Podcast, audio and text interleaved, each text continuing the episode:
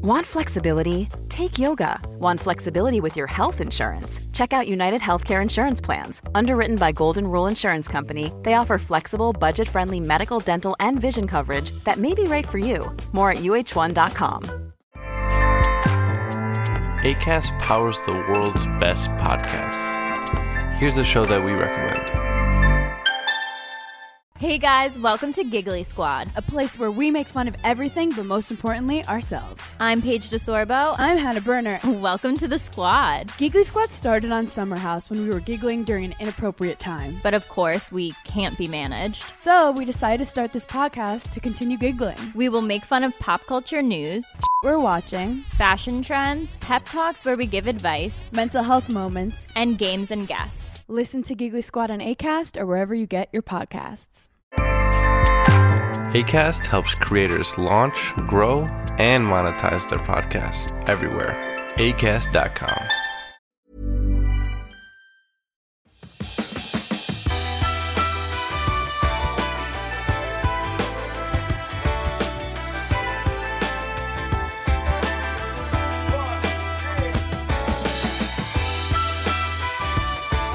Hej och välkommen till Klimakteriepodden med mig, Åsa Melin. Jag tror att det finns lika många kvinnor som dieter. För oj vad vi är innovativa när det gäller kosthållning. Och dessutom väldigt benägna att byta, prova, skapa nya och ibland faktiskt riktigt märkliga förhållningssätt till när, hur och vad vi äter. Nu talar jag ju inte om regelrätta ätstörningar utan det vi hittar på för att vi har något som inte riktigt känns bra, vi är inte helt nöjda med det. Och ofta handlar det om hur vår kropp ser ut eller fungerar. Och konstigt nog så är det ju vanligare att man har synpunkter på hur kroppen ser ut än hur den fungerar. Och jag är absolut inget undantag. Men i somras så läste jag boken Mattillåtet av Gisela van der Ster som är legitimerad dietist och doktor i medicinsk vetenskap. Hon har mångårig erfarenhet av att stötta patienter med ätstörningar. Och det var så jag hamnade med den här boken eftersom jag ville försöka hjälpa och förstå en närstående. Och jag insåg raskt att här finns det en hel del intressant för mig också. Så för att göra en lång historia kort så bjöd jag in Gisela till Klimakteriepodden. För jag tror att det är fler än jag som skulle må bra av att ta bort en del konstrande och idéer kring vad som är ett nyttigt och bra sätt att äta. Och inte minst vad våra kroppar behöver för att alla funktioner ska kunna göra sitt jobb kan vara bra att bli påmind om. Så välkommen att lyssna.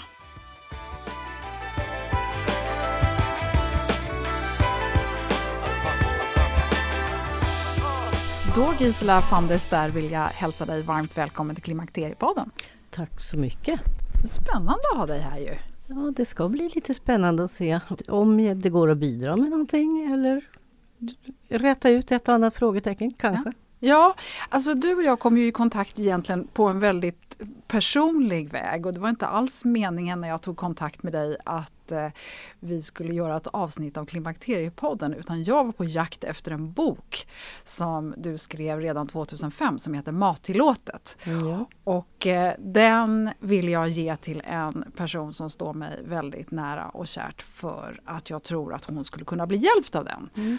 Och på, på den vägen är det. Sen så läste jag boken själv och blev helt tagen i hur du lyckas strukturera upp vad mat och ätande egentligen handlar om på ett sätt som jag faktiskt aldrig själv har sett. Så att jag blev väldigt nyfiken för att jag tycker att det är många kvinnor som hör av sig till mig och många som jag möter i min egen ålder som tycker det här med mat är väldigt svårt och konstigt. Ja, tyvärr mm, behöver jag ju ge dig ganska rätt i att många tycker att det är svårt och konstigt. Och många blir ju också Eh, väldigt konfunderade när jag brukar prata om att det faktiskt är ganska enkelt med mat. Det är vi människor som många gånger älskar att krångla till det. Och ju fler uppoffringar man behöver göra, desto mer tror man på att det måste vara så.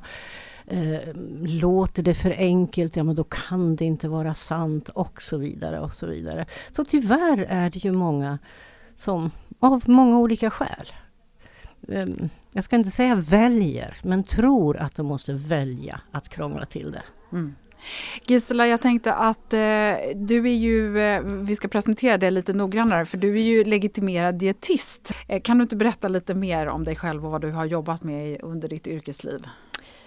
Ja, egentligen har jag ju bara jobbat med ett enda område inom dietetiken, nämligen personer med ätstörningar. Och då handlar det ju om allt från eh, tunnaste tunna till största möjliga eh, att klara av att gå i ett par skor. Och eh, att jag har gjort det, att jag har valt att ägna mig åt det är att jag har ända sedan jag gick dietistutbildningen så har jag intresserat mig för vad, hur olika näringsämnen påverkar dels självklart vår fysik, eh, vårt fysiska jag. Men även det psykiska jaget påverkas otroligt mycket av både av vad man äter men också av vad man inte äter.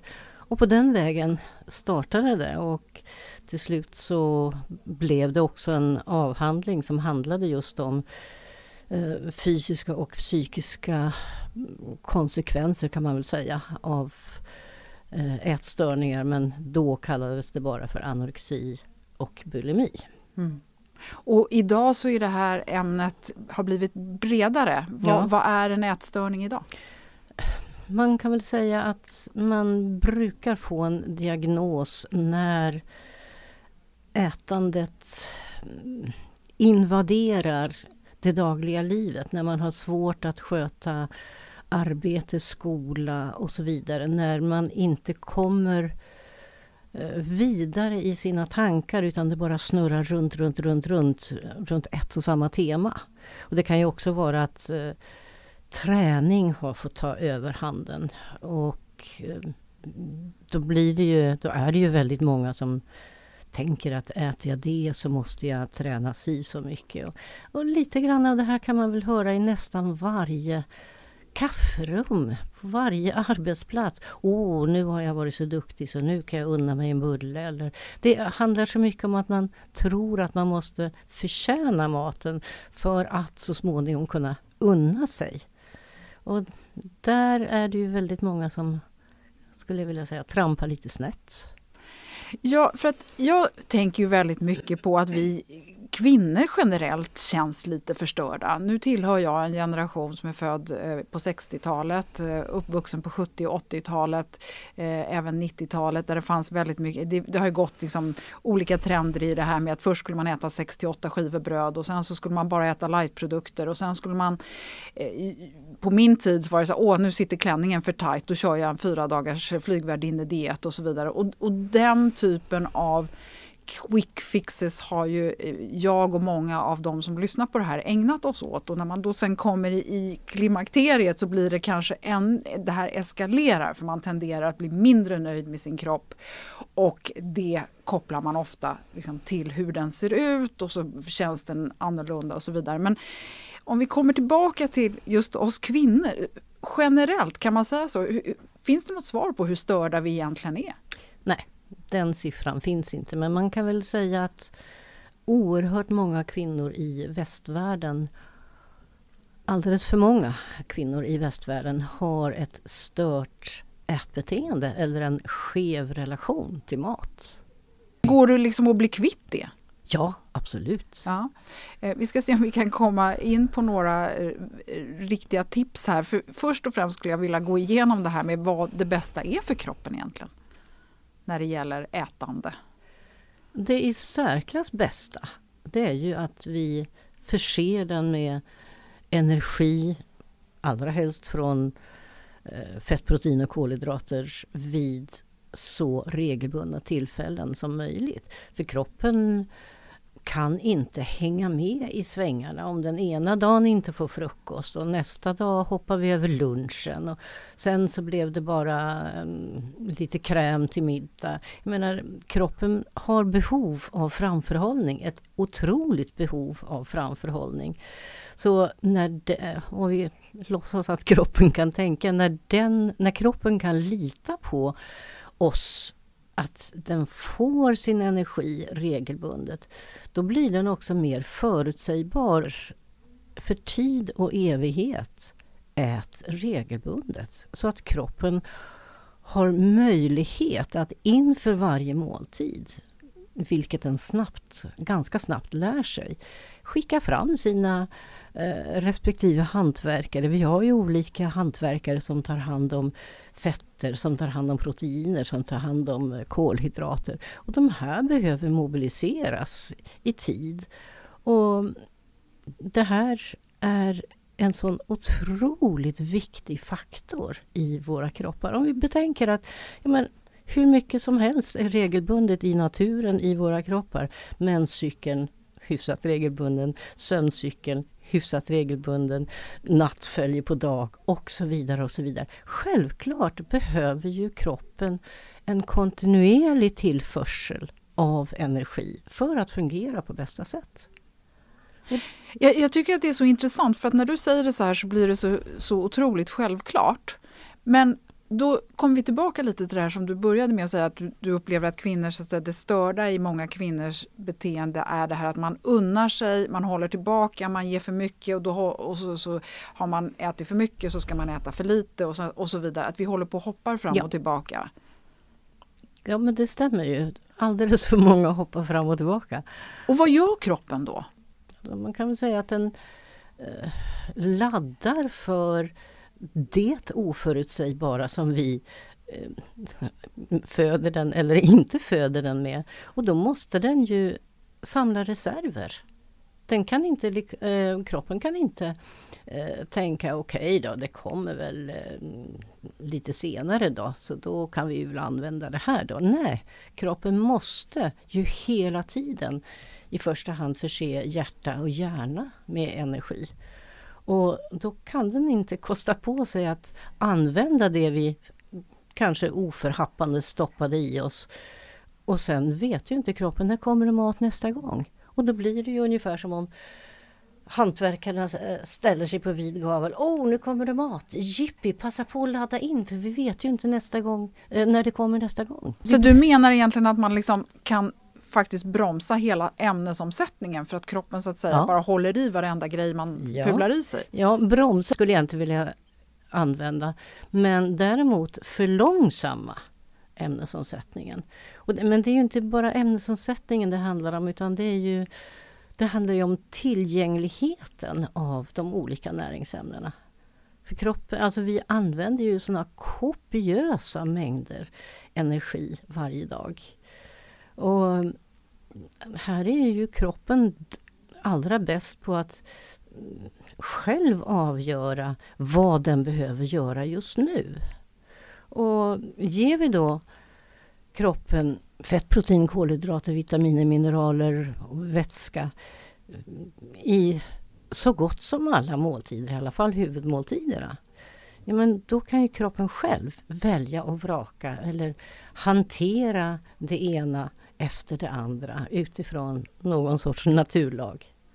Men då tycker jag också att det blir så eh, tydligt här att det, så, att det egentligen är superenkelt. Att det bara är som det, det, är bara, det, är bara, det är ingenting som man behöver hålla på och fundera så mycket Nej. över egentligen. Men du pratar ju mycket om det här med att det här kroppsmissnöjet är ju det som, som på något sätt sätter käppar i hjulet för oss. Mm. Vad, vad, vad menar du med det om du vill utveckla det lite? Kroppen betraktas på något sätt som nästan som en apparat som man behöver tukta. Um, det, ibland så, så, får jag känslan av att väldigt många tänker att det handlar om en av och på-knapp. Okej, okay, nu gör jag det här i en vecka. Papp. Då kopplar vi på det och sen så stänger vi av. Men det funkar inte så. Men det, det kan vara en som har ett husdjur eller närheten till djur konstatera att inga kroppar fungerar på det viset. Utan man behöver just det här kontinuerliga, varje dag, varje dag, varje dag. Regelbundenheten, ja det är enkelt. Om vi då tänker, ja att äta till en början efter klockan, det är inte så förfärligt svårt. Och gör man det, säg att man eh, försöker vara lite strikt, även om jag inte direkt kallar det för strikt eftersom det i många människors vardag ingår rutiner, man ska upp, man ska jobba, man ska det ena och det andra. Men att man då tar sig före att äta på bestämda tider. Typ frukost, kanske någon förmiddagsfika på jobbet med någonting till. Man äter lunch, man äter någonting på eftermiddagen så att man håller sig hyfsat fram till middagen, det vill säga inte vrålhungrig. För då blir det alltid för mycket. Och sen beroende på när man äter middag, ja då kanske man har tid, ork, lust till någonting på kvällen, annars inte. Jag menar, gör man det under en säg sex veckors period, då börjar kroppen själv skicka ut hungersignaler. Och då har man ju så att säga krattat manegen för kroppen att använda sig av sina signaler. Och då blir det mycket lättare, då går det ju till slut ganska automatiskt. Ja, nu är jag hungrig, nu äter jag. Och jag brukar eh, framhålla det som är det enkla, som inte kostar någonting. Det är ju som sagt klockan och sen är det tänderna. De allra, allra, allra flesta människor använder inte sina tänder till sin fulla potential. För att genom att tugga maten när den kommer regelbundet ehm, då skapar vi också förutsättningar för att alla de här ämnena, näringsämnena, livsmedlen som vi stoppar i oss också blir tillgängliga för kroppen att använda. Och om jag säger att det tar kanske säg, fem, sex veckor för kroppen att skicka fram hungersignaler. Så om det är så att vi lyckas tugga maten ordentligt ehm, ja, men då tar det några veckor till så kommer den att skicka fram mättnadssignaler. Och får vi igång hunger och mättnadssignaler då blir det ju genast mycket enklare att börja lita på kroppen. Då blir den ju mer förutsägbar. Och det är just den här oförutsägbarheten som jag tror på ganska goda grunder skapar så mycket kroppsmissnöje. Just det, man kan inte lita på kroppen. Ena gången gör den si, andra gången gör den så. Men att få igång sina signaler, jag menar så mycket hjälpt av just, ska vi säga, bara klockan och tänderna. Jag tänker mycket på det här du säger med att tugga länge, för sen jag läste din bok så har jag blivit mer tuggmedveten. Mm. Eh, och eh, just det här som du, det här som jag i alla fall har ägnat mig åt emellanåt, det är så här om man äter någonting som är förbjudet, nu sätter jag fingerkrokar i luften här, så är det lättare att man kastar i sig det. För att det är så, det här borde jag inte äta, Nej. så fort bort med det. Mm. Och då tänker jag att då blir det ju så att säga dubbelt värre. Ja, det blir det. För, nej, jag är inte en sån som äter sånt här och ingen ska se mig och då ner i två ja. tuggor. Ja. Du, eh, kring klimakteriet så blir det ju ofta så att eh, en viktuppgång blir svårare att hantera. Man, många kvinnor upplever att det orättvist smyger sig på lite bilringar runt magen och så vidare. Och det, det, vet vi ju att i och med att östrogenet sjunker så ändrar sig kroppsformen lite grann och vi får lättare att lägga på oss på magen. Jag tror att för vissa kvinnor i alla fall så har man eh, tidigare inte varit vad ska man säga, på god fot med sina hunger och mättnadssignaler. Kanske ätit oregelbundet, kanske inte tuggat. Nu, nu får jag det låta som om allting bara kretsar kring klockan och tänderna. Inte riktigt så, men eh, om man inte har haft sina hunger och mättnadssignaler eh, på ett tillförlitligt sätt innan, då är det ju oerhört lätt att man kanske fortsätter äta samma mängder som tidigare. Man känner inte efter.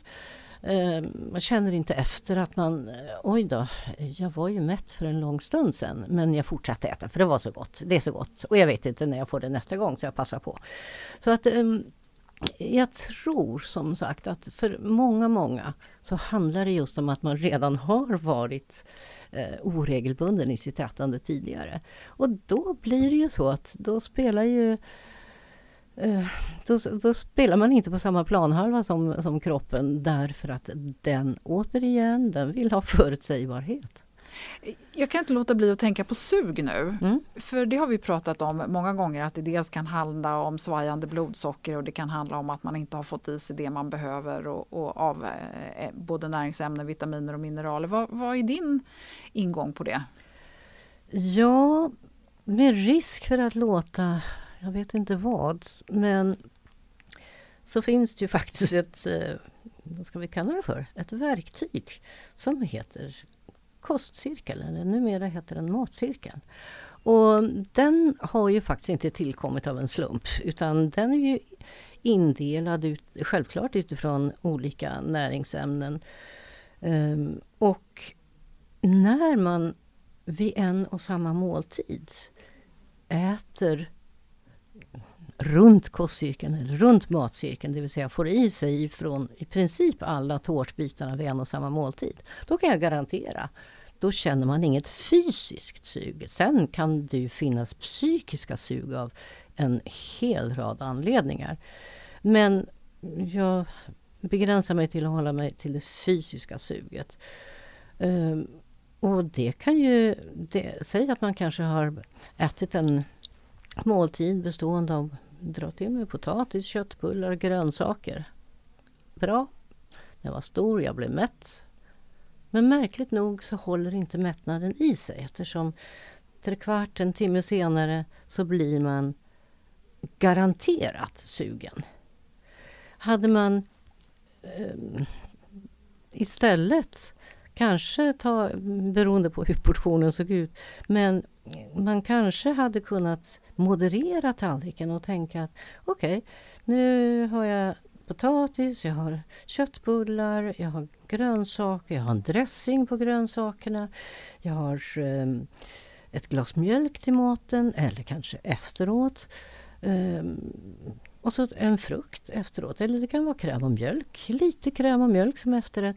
Då har man garanterat inget sug. Jag kan medge att det är lite svårt ibland att få till rotsaker och potatis till frukost. Men det är enkelt att bara tänka en tallrik gröt, mjölk, eh, kokt ägg, salt, frukt eller bär eller mos på gröten en macka med eh, lite grönsaker, kanske lite skinka eller vad det nu är för någonting. Och då är man ju faktiskt runt kostcirkeln. Mm. Konstigare än så är det ju faktiskt inte.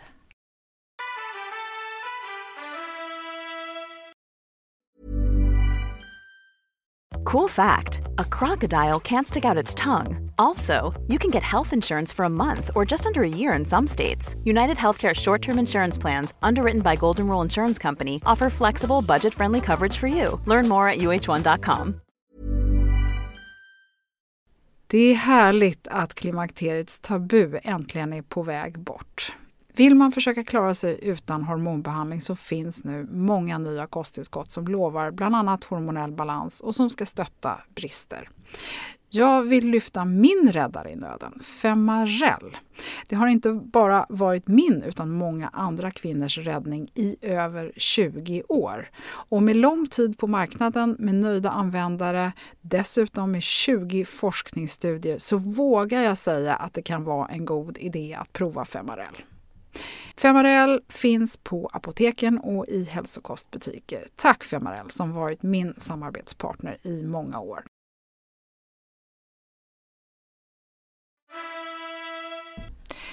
Du, eh, du pratar ju ofta om att vi, vi svälter kroppen på basala byggstenar och det var vi inne på lite grann här i, i början. Och jag skulle, en sak som jag tycker är intressant med det här det är ju den här längtan efter quick fix som vi egentligen inte pratade om tidigare. Vad, vad, vad är det du menar? Acceptera att alla förändringar i våra kroppar tar oerhört lång tid. Och där brukar jag väldigt ofta behöva påminna människor om att ja, men vi är faktiskt den långsammaste av alla, alla däggdjursarter på jordklotet. 58-60 000 däggdjursarter. Det räcker med att tänka på hur lång tid en människounge tar på sig för att fördubbla sin födelsevikt jämfört med valar, kalvar, katter, möss och så vidare. Och så vidare. Vi är långsamma och det går med nödvändighet därför inte att eh, tro att vi kan fixa någonting så snabbt i kroppen om man ska vara en kroppsbejakare då så eh, kan vi ju börja med att säga att de här fyra till sex veckorna av regelbundet ätande är ju en liksom, grundsten för att man ska kunna, kroppen ska våga lita på mm. att det får den ska och så vidare. Och då kan man förvänta sig att hunger och mättnadssignalerna kommer igång. Mm. Och så ska man ju då tänka det här eh, långsiktiga och, och, man ska tänka på naturlagarna och så vidare. Kan du inte berätta lite mer om de här basala behoven? Du var inne med hjärna och hjärta. Men vad är det kroppen egentligen ska ha det här köttbullarna till? Ja, Alltså, det man brukar kalla för de basala behoven, de nödvändiga behoven, det är ju hjärta, hjärna, lungor, blodtryck, kroppstemperatur, eh, njurfunktion. Um, och sen ska den ju utifrån det vi stoppar i oss ska den ju kunna producera hormoner, enzymer och kiss och bajs och uh, utandningsluft och så vidare. och så vidare. Helt enkelt att få kroppen att fungera. Och det görs ju bäst genom att den får hela paletten av livsmedel, olika näringsämnen vid ett och samma tillfälle. Och sen så betar den av och, och reparerar där det behövs, bygger upp där det behövs. Och det här basala behovet är ju likartat för i princip alla människor. Och därutöver så är det lite skillnad på om man är ung, om man är gammal, om man är barn, om man är sjuk, om man är gravid och så vidare. Och därutöver så kommer ju också rörelse. Är det så att man är fysiskt aktiv, ja men då kräver det mer energi. Så att det handlar om eh, att kroppen ska kunna göra det som den är ämnad att göra, nämligen fungera. Och, och det är där vi inte ska sätta in eller sätta några käppar i hjulet. För kroppen vill bara fungera. Och, och vad, vilka tecken skulle man ju då kunna se på att kroppen inte fungerar? Du var lite inne på det här psykiska tidigare i början här.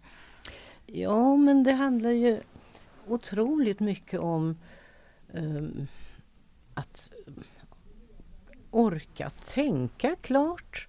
Eh, att vi ska kunna koncentrera oss, att vi inte ska fastna i, i tankar som bara snurrar och snurrar. Och, ja, överhuvudtaget att, att, eh, att vi behöver skapa förutsättningar återigen för att vi ska kunna fungera optimalt. Och det är där jag menar, det är inte så svårt som väldigt många tycks tro.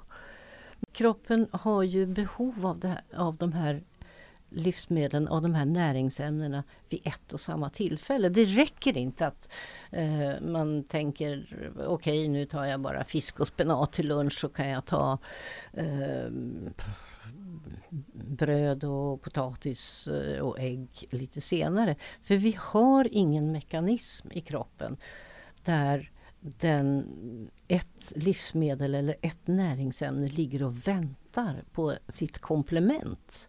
Det funkar inte så. Även om många gärna vill tro det. Nej men för då är vi ju inne på det här lite mer komplexa. För att tillgodogöras, för att kroppen ska kunna tillgodogöra sig sina olika eh, byggstenar och det som faktiskt finns i maten så måste den få andra saker samtidigt. Ja.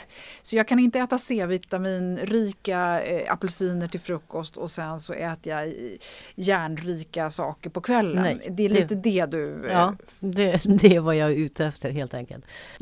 Oändligt många näringsämnen just fungerar i kombination med ett annat näringsämne. Det är väldigt sällan som 1 plus 1 blir 2 i kroppen utan 1 plus 1 blir oftast, eller ofta, 3. Um, ehm, du nämnde C-vitamin och spenat. Ja, um, för att just kunna utnyttja, säg, proteinerna i um, gryn och spannmål så behöver man äta mjölk till. Dels mjölkens eget proteininnehåll men mjölken eh, bidrar till att kroppen kan utnyttja också proteinerna i eh, spannmål. Det är därför vi äter gröt och mjölk. Att äta bara en portion gröt utan någonting till. Då brukar jag säga, ja men det är som att käka en tub tandkräm, det är lika effektivt. Att, eh, Men här, här, det här är ju basal kunskap som jag tror att de flesta inte har. Nej, då kanske de har skolkat från hemkunskapen. ja, men jag kan inte ens minnas att vi pratade om det på ja, det här men sättet. Det här, det här är så här extremt gammal kunskap så då har man kanske slagit dövörat till eller tänkt att äh, det, jag bryr mig inte om det just nu. Nej, men då kommer man ju tillbaka lite till det här eh, att möjligen argumentera emot. För så här, stenåldersmänniskan, den kunde inte, den hade inte tillgång till allting utan den fick passa på att äta när det bjöds och det som bjöds mm. det åt man. Eh, eller så tänker man så här, ja så har du enuiterna som har bott där uppe och de har bara fått det här mm. och så vi i Norden, vi har inte haft frukt och grönt året runt och så vidare och så vidare. Hur, hur eh, ska man tänka kring de argumenten? Ja, alltså, om vi börjar med stenåldersmänniskan eh, så är det ju så att i och med att de var tvungna att äta när det fanns så har vi ju kvar våra stenåldersgener som man kan säga visar sig när vi äter oregelbundet. För jag menar, de var ju tvungna att ladda in när det plötsligt fanns ett eh, dött djur att käka. Och vi, om vi äter oregelbundet, det är samma gener som resonerar, vi låtsas att de kan resonera. Att vi vet inte när vi får mat nästa gång. Alltså måste vi ladda in. Eh, sen finns det ju klim, eller kulturella klimatanpassningar, naturlagsanpassningar. Inuiterna på Grönland de har ju till exempel kompenserat det faktum att de inte får i sig eh, frukt och bär och C-vitamin. De äter vissa inälvor från sälar som innehåller C-vitamin. Så där har man ju anpassat sig. Att vi inte skulle ha haft frukt och bär i Norden, det håller jag inte med om. Vi har haft skogarna fulla med, med bär. Ja, jag tänkte kanske mer säsongsmässigt då. Ja, ja. Att vi har mm. liksom jo, men, åtminstone sex månader per år när det inte finns jättemycket att tillgå. Jo, men här har man ju också varit duktig på att eh, frysa in eller safta och fry, eh, salta och, och göra, ja, ta, ta, vara på det som har varit. Mm. Nej men eh, för det, jag tycker att det är intressant hur du också i din bok lyckas slå hål på många av de här myterna som vi, vi pratar om. Jag tänkte att vi skulle gå igenom de här livsviktiga komponenterna som utöver då fett, protein och kolhydrater som liksom hör till olika delar så innehåller ju de då ett antal olika saker. Jag tänkte att vi kunde börja med salt. Vad är det salt gör och varför är det så viktigt? Eh, salt är dels ett grundämne i naturen, dels ett näringsämne som eh, i princip alla däggdjur har behov av eftersom saltet eller natrium som är en beståndsdel av vårt vanliga salt bidrar till att leda elektriska impulser i kroppen. Och av det skälet så kallas ju tre olika ämnen i kroppen för elektrolyter. Just de leder elektriska impulser till hjärta eh, och andningsorgan i första hand. Så det är livsviktigt att vi får i oss så, eh, salt i tillräckliga mängder eh, så att hjärtat kan slå, helt enkelt. Det är vårt vanliga koksalt som vi ska använda. Och där har ju Svenska näringsrekommendationer sagt exakt samma sak i 45 år och folk blir lika häpna varje gång när jag betonar hur, hur pass relativt mycket vi behöver varje dag. Och rekommendationerna är fem kryddmått salt för en kvinna som i tempererat klimat som i Sverige som inte tränar och sex kryddmått för en man. Och det är alltså en tesked och de flesta är ju inte i närheten av att få i sig tillräckligt med salt. Och salt är också livsviktigt för att det bidrar till att hålla vätskan i våra blodkärl. Så det finns, och salt har en mängd andra funktioner också. Fett då? Fett är livsviktigt av oändligt många anledningar. Bland annat för att eh, vi ska kunna utnyttja till exempel proteiner. proteiner har ju länge, köttfisk och ägg har ju länge, länge ansetts som ett livsviktigt näringsämne, vilket det ju är. Men för att vi ska kunna tillgodogöra oss proteinerna så krävs det att vi har tillräckligt mycket fett i maten och, till, och tillräckligt mycket kolhydrater. För då först kan kroppen använda proteinerna till det det är ämnat för, nämligen reparera och bygga upp. För i princip alla våra organ består ju av proteiner. Men att eh, tänka i termer av att jag satsar på eh, proteiner och, och, och vad då? Grönsaker. Ja, men då är det ju som att då måste ju kroppen använda energin, det vill säga kalorierna från proteinerna till att ge energi. Det är ungefär som att tanka bilen med champagne. Det är alltså fullständigt lönlöst. Så Det är därför också som det är så oändligt viktigt. Det är viktigt, viktigt också att återkomma till det. Att kroppen behöver livsmedlen, näringsämnena samtidigt.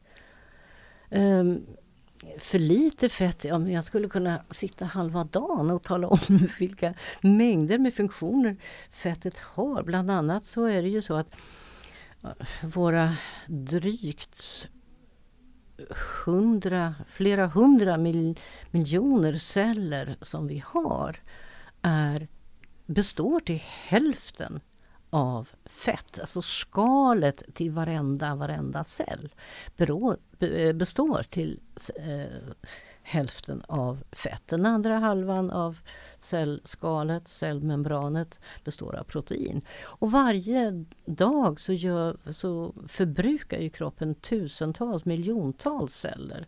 Och det behöver ju byggas upp, byggas upp varenda, varenda natt. Och då krävs det ju de här förutsättningarna, det vill säga att vi har fått i oss tillräckligt med fett, protein och kolhydrater. Eh, sen är ju tillräckligt med fett eh, nödvändigt för huden, för ögonen, för ehm, eh, som isolerande runt varje organ. Så att ja, det finns en mängd eh, olika funktioner med fett. Förutom att fett bidrar till att ge smak och utan fett i en måltid ja men då är det ju jättesvårt att känna mättnad. För fettet bidrar också till mättnad. Mm. Och protein tycker jag att du har nämnt eh, att det är ju byggsten, så att säga, mm. förutsättningar för att vi ska kunna bygga. Och kolhydrater som är så eh, utskämt idag, framförallt snabba kolhydrater, det vill säga eh, raffinerade eh, mjöl och socker och, och, och, så vidare. Det är kanske inte egentligen det du pratar om i första hand när du säger att, vilka kolhydrater vi behöver. Nej, vi behöver en mängd olika kolhydrater och det finns i naturen en en, en hel radda eh, olika kolhydrater. Hjärnan har ett eh, enormt stort behov av att ständigt få i sig kolhydrater. Främsta energikällan för, för hjärnan. Och sen är det otroligt många även där funktioner i kroppen som är beroende av eh, kolhydrater. Mm, och vi behöver ju en ständig, ständig påfyllning av kolhydrater. För är det så att man är ute och går i en, säg, en två, tre timmars promenad, då har vi gjort av med alla kolhydrater som finns lagrade i våra muskler. Och då behöver vi fylla på. Um, för lite kolhydrater, ja, för det första så leder det ju ofelbart till ett jättesug. Um, och då har man varit utan kolhydrater flera dagar, ja men då, då stoppar man inte bara för att det är 11 på kvällen. Jag måste ha choklad nu, annars dör jag. Um, för, för, vårt system är oerhört känsligt för kolhydratbrist. Mm. Kan vi bara dra några exempel på bra kolhydrater då, som du skulle rekommendera? Att man ser till att man får i sig? Ja, överhuvudtaget spannmål är ju de eh, främsta källorna eh, till både långsamma i den här bemärkelsen nu då, eftersom det tar lång tid att bryta ner eh, säg råg, eh, kolhydrater från råg till exempel. Um, och, och, vi behöver också kolhydrater från rotsaker och potatis. Um, vi behöver kolhydrater som finns i, i grönsaker. Det är ytterligare en annan typ av kolhydrater. Sen har vi en annan typ av kolhydrater som finns i frukter. Sen har vi ytterligare en annan typ av kolhydrater som finns i, i mjölkprodukter. Så det är väldigt många olika typer av kolhydrater som alla bryts ner med olika hastighet. Och jag kan väl tycka att de kan ju vara en bra illustration till eh, en måltid runt kostcirkeln. För då, i och med att de här olika kolhydraterna bryts ner med olika hastighet och sen bryts fetterna ner med en annan hastighet och proteinerna med ytterligare en annan hastighet. Så innebär det att då får vi en eh, ganska långvarig mättnad och vi slipper suget framför allt. Mm. Du, järn behöver vi prata lite om också. Ja. Det behöver vi därför att min erfarenhet är att alldeles för många kvinnor har uppfattningen att okej, okay, nu har jag ingen mens längre. Nu har jag kommit till klimakteriet. Då behöver jag inte käka järn. Järnet är livsviktigt för att eh, transportera syre i kroppen. Och det är ju det också som då bidrar till att man kan få en bättre kondition med ordentligt med järn i kroppen. Bland annat så, så handlar det ju om just det här med orken. Att, inte, att man får bättre ork genom mer blodpudding, mer järn ska jag säga. Mm. Nu finns det ju järn i lite annat än blodpudding också om det känns alltför motbjudande. Ja, det gör det ju naturligtvis. Men då är vi inne på det du pratade om tidigare, nämligen det här med apelsin och sen något järnrikt. Eh, här är det ju viktigt att komma ihåg att eh, vissa eh, livsmedel, framför allt då det järn som finns i gröna grönsaker och som finns i spannmål, bröd, ris, pasta, gryne. Det järnet är av en annan kvalitet än det järn som finns i eh, kött. Och det järn som då finns i mm, grönsaker och gryn, det måste kompletteras med C-vitamin för att kunna utnyttjas. Eh, och, återigen, där, där hjälps det inte som du sa, ta C-vitamin rikt på morgonen och, och så någonting järnrikt senare på dagen. Det ligger inte och väntar på varandra. Utan samtidigt, ja. Mm. Eh, en sak som vi kvinnor kanske också behöver tänka på är ju det här med benskörhet. Skelettet är ju vår kalciumbank. Uh, och varje, man kan säga 99 procent av all vår kalcium, det finns i skelett, skelettet.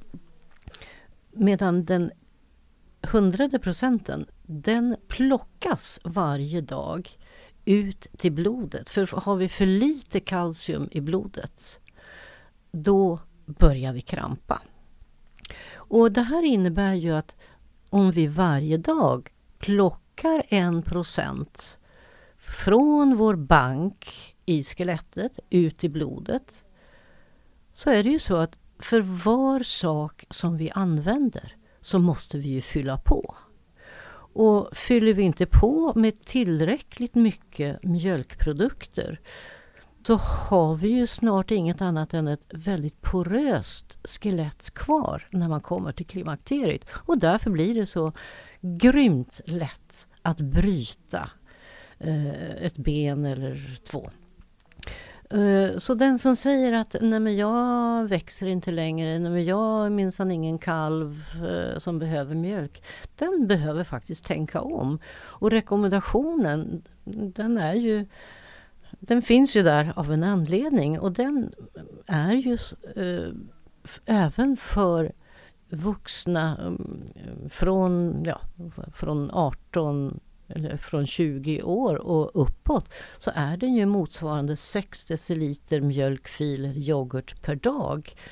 Eh, förutom det man har i matlagning eh, och på smörgås och så vidare. Så det är en icke försumbar del av kostcirkeln.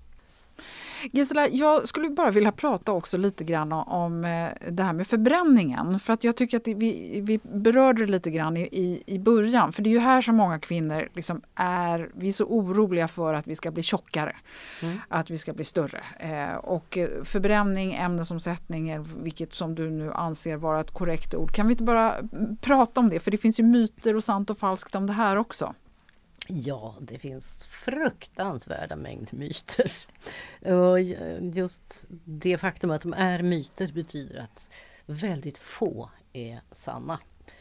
Ehm, ja, jag föredrar ordet ämnesomsättning av det enkla skälet att ordet förbränning för mig för det tanken återigen till kroppen som en apparat, en förbränningsapparat. Men när kroppen, ja den förbränner näringsämnen men det gör den själv. Vi behöver inte tänka i termer av att nu måste jag förbränna det jag har ätit. Men, men ämnesomsättningen eh, den är ju som ordet låter eller betyder. Det innebär att kroppen omsätter ämnen. För även om vi får i oss ehm, eh, ämnen från naturen, från, eh, från djuren eh, och växtligheten så är ju de inte artegna för människan. Utan vi måste omsätta de här ämnena så att de blir tillgängliga för oss i våra kroppar. Och då kan man ju enkelt säga att ju fler ämnen jag stoppar i mig. Det vill säga eh, ju fler eh, olika livsmedel utifrån kostcirkeln jag har på min tallrik, desto fler ämnen måste omsättas. Och det här innebär ju i sin tur att eh, Ska vi prata om att öka ämnesomsättningen? Ja, då är det ju på så vis vi ökar ämnesomsättningen eftersom vi då omsätter fler ämnen som blir tillgängliga för våra kroppar att använda. Finns det någonting som gör att det går fortare eller långsammare eller att man kan öka på det här? Du, det, du fick då låta som att äter jag bara väldigt mycket olika ämnen så går det snabbare. Förutsatt att man tuggar maten eh, och eh, så att återigen så att eh, ämnena blir tillgängliga för våra olika celler och hantverkare så blir vi ju mätta och då blir vi ju förhoppningsvis inte sugna och då har vi tid att, och ork framförallt att göra annat. Och ofta så brukar det ju faktiskt innebära att man orkar bli mer, röra sig kanske lite mer. Eh, nu är det inte så att rörelse i sig förbrukar eller är ett bra sätt om man vill gå ner i vikt. Jag menar det är en av flera ingredienser i så fall för att gå ner i vikt. Men det är också det här att eh, när kroppen är mätt och belåten då är ju också hjärnan på en helt annan nivå. Då orkar vi ju tänka rätt kreativa tankar och, och gör planer och man är, man är igång på, på ett annat sätt och man blir faktiskt också betydligt mer nöjd med sig själv när man upptäcker att tankarna inte bara står eh, Eh, och hakar upp sig som på en gammal grammofonskiva med jack. Utan mm, kan tänka nya tankar. Och i och med det så brukar ju också ja, men självkänslan blir alltid bättre när eh, hjärnan inte är låst och när kroppen liksom, kan röra sig eh, på ett helt annat sätt utifrån bättre förutsättningar. Eh, många kvinnor upplever att de får magar som krånglar och det här med IBS hör vi hela tiden. Mm. Och jag vet inte hur mycket som är riktiga diagnoser och hur mycket som är gissningar. Det är svårt att ställa en, diagnos på, på mag-tarmproblem mm. generellt. Men eh, om man nu har de här krånglande, man upplever att man inte tål det ena och man inte tål det andra och man mår bättre av det ena och bättre av det andra. Hur skulle man kunna komma till bukt med att komma tillbaka till att äta äta så som du förespråkar att man ska äta? Alltså min erfarenhet utifrån ett mycket stort antal patienter. Ehm, det är ju att en krånglig mage väldigt, väldigt ofta har eh, sitt ursprung i dels Eh, eller framför allt hur vi hanterar mat och ätande eller kanske snarare inte hanterar mat och ätande. Att det kanske är någon uh, halv lunch på språng, eh, lite ditten för att överleva och någonting annat sen för jag hann inte riktigt ordentligt. Att det är många gånger, inte alltid, självklart inte, men många gånger så, så handlar det om att vi kanske inte har varit fullt så snälla mot våra kroppar som de egentligen förtjänar. Um, och att säga vad en krånglande mage kan bero på, jag menar det finns ju otroligt många orsaker. Men där en viktig anledning det är ju, jag tjatar, oregelbundenhet och eh, icke-tuggande. Mm. Ehm, det leder både till svullnad och det leder till eh, gaser i magen och mm, bland knip och sen så tror man att eh,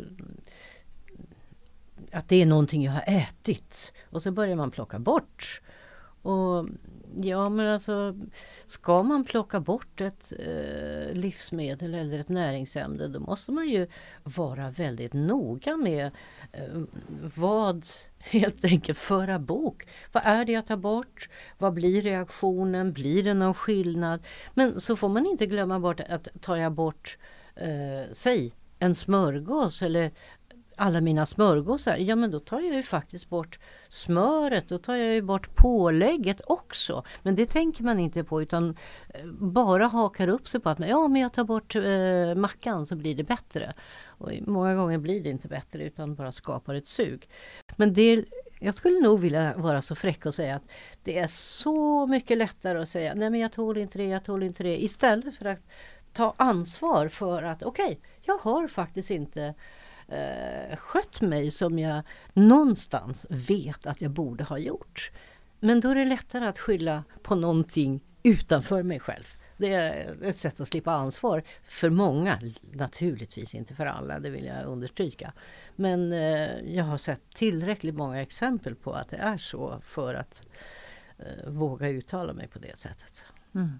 Jag skulle definitivt vilja rekommendera Giselas bok Mattillåtet om du är det minsta nyfiken på den här. Den cirkulerar på en del bibliotek just nu så finns den inte att köpa eh, för den är slut vilket inte förvånar mig ett dugg. Men vi hoppas på att den kanske kommer tillbaka senare. Men eh, Gisela, bara avslutningsvis, finns det någonting vi har eh, missat här? Ja, det har vi. Vi har inte pratat om eh, vikten av att dricka dricka tillräckligt mycket vätska. Och många säger ju att de inte är törstiga och då tänker jag inte på det. Alltså, så tänker man inte på varför man kanske har huvudvärk. Eh, många gånger är det så att när man inte saltar tillräckligt så får man heller inget kroppsligt incitament till att dricka. Och det är alldeles för vanligt att kvinnor dricker för lite med en massa konsekvenser tyvärr. Men ändå att försöka tänka i termer av att försöka få i sig någonstans mellan en och en och en halv liter vätska per dag. Det är jätteviktigt. Och sen att sova tillräckligt mycket också. Mm. Det är också lika viktigt som allting annat. Mm. Och det är inte det lättaste alla gånger. Nej.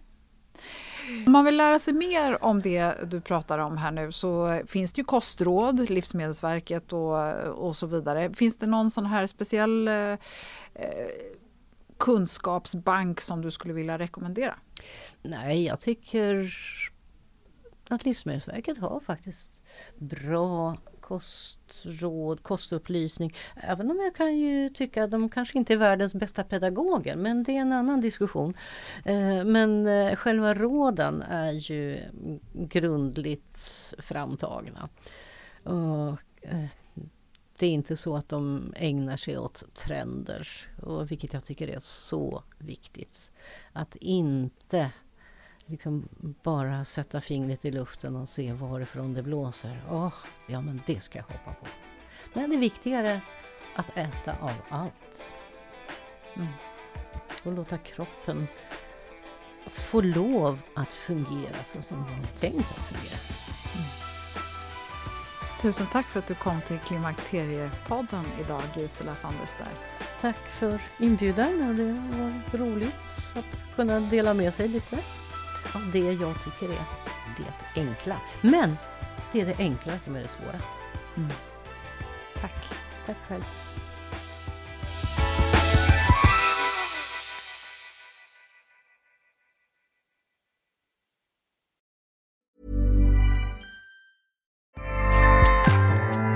ACAST powers the world's best podcasts. Here's a show that we recommend.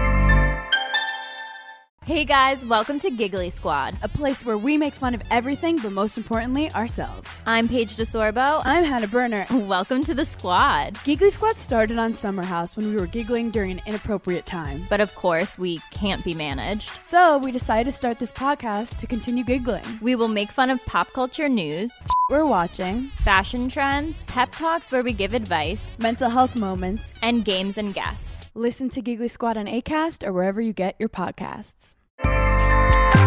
ACAST helps creators launch, grow, and monetize their podcasts everywhere. ACAST.com.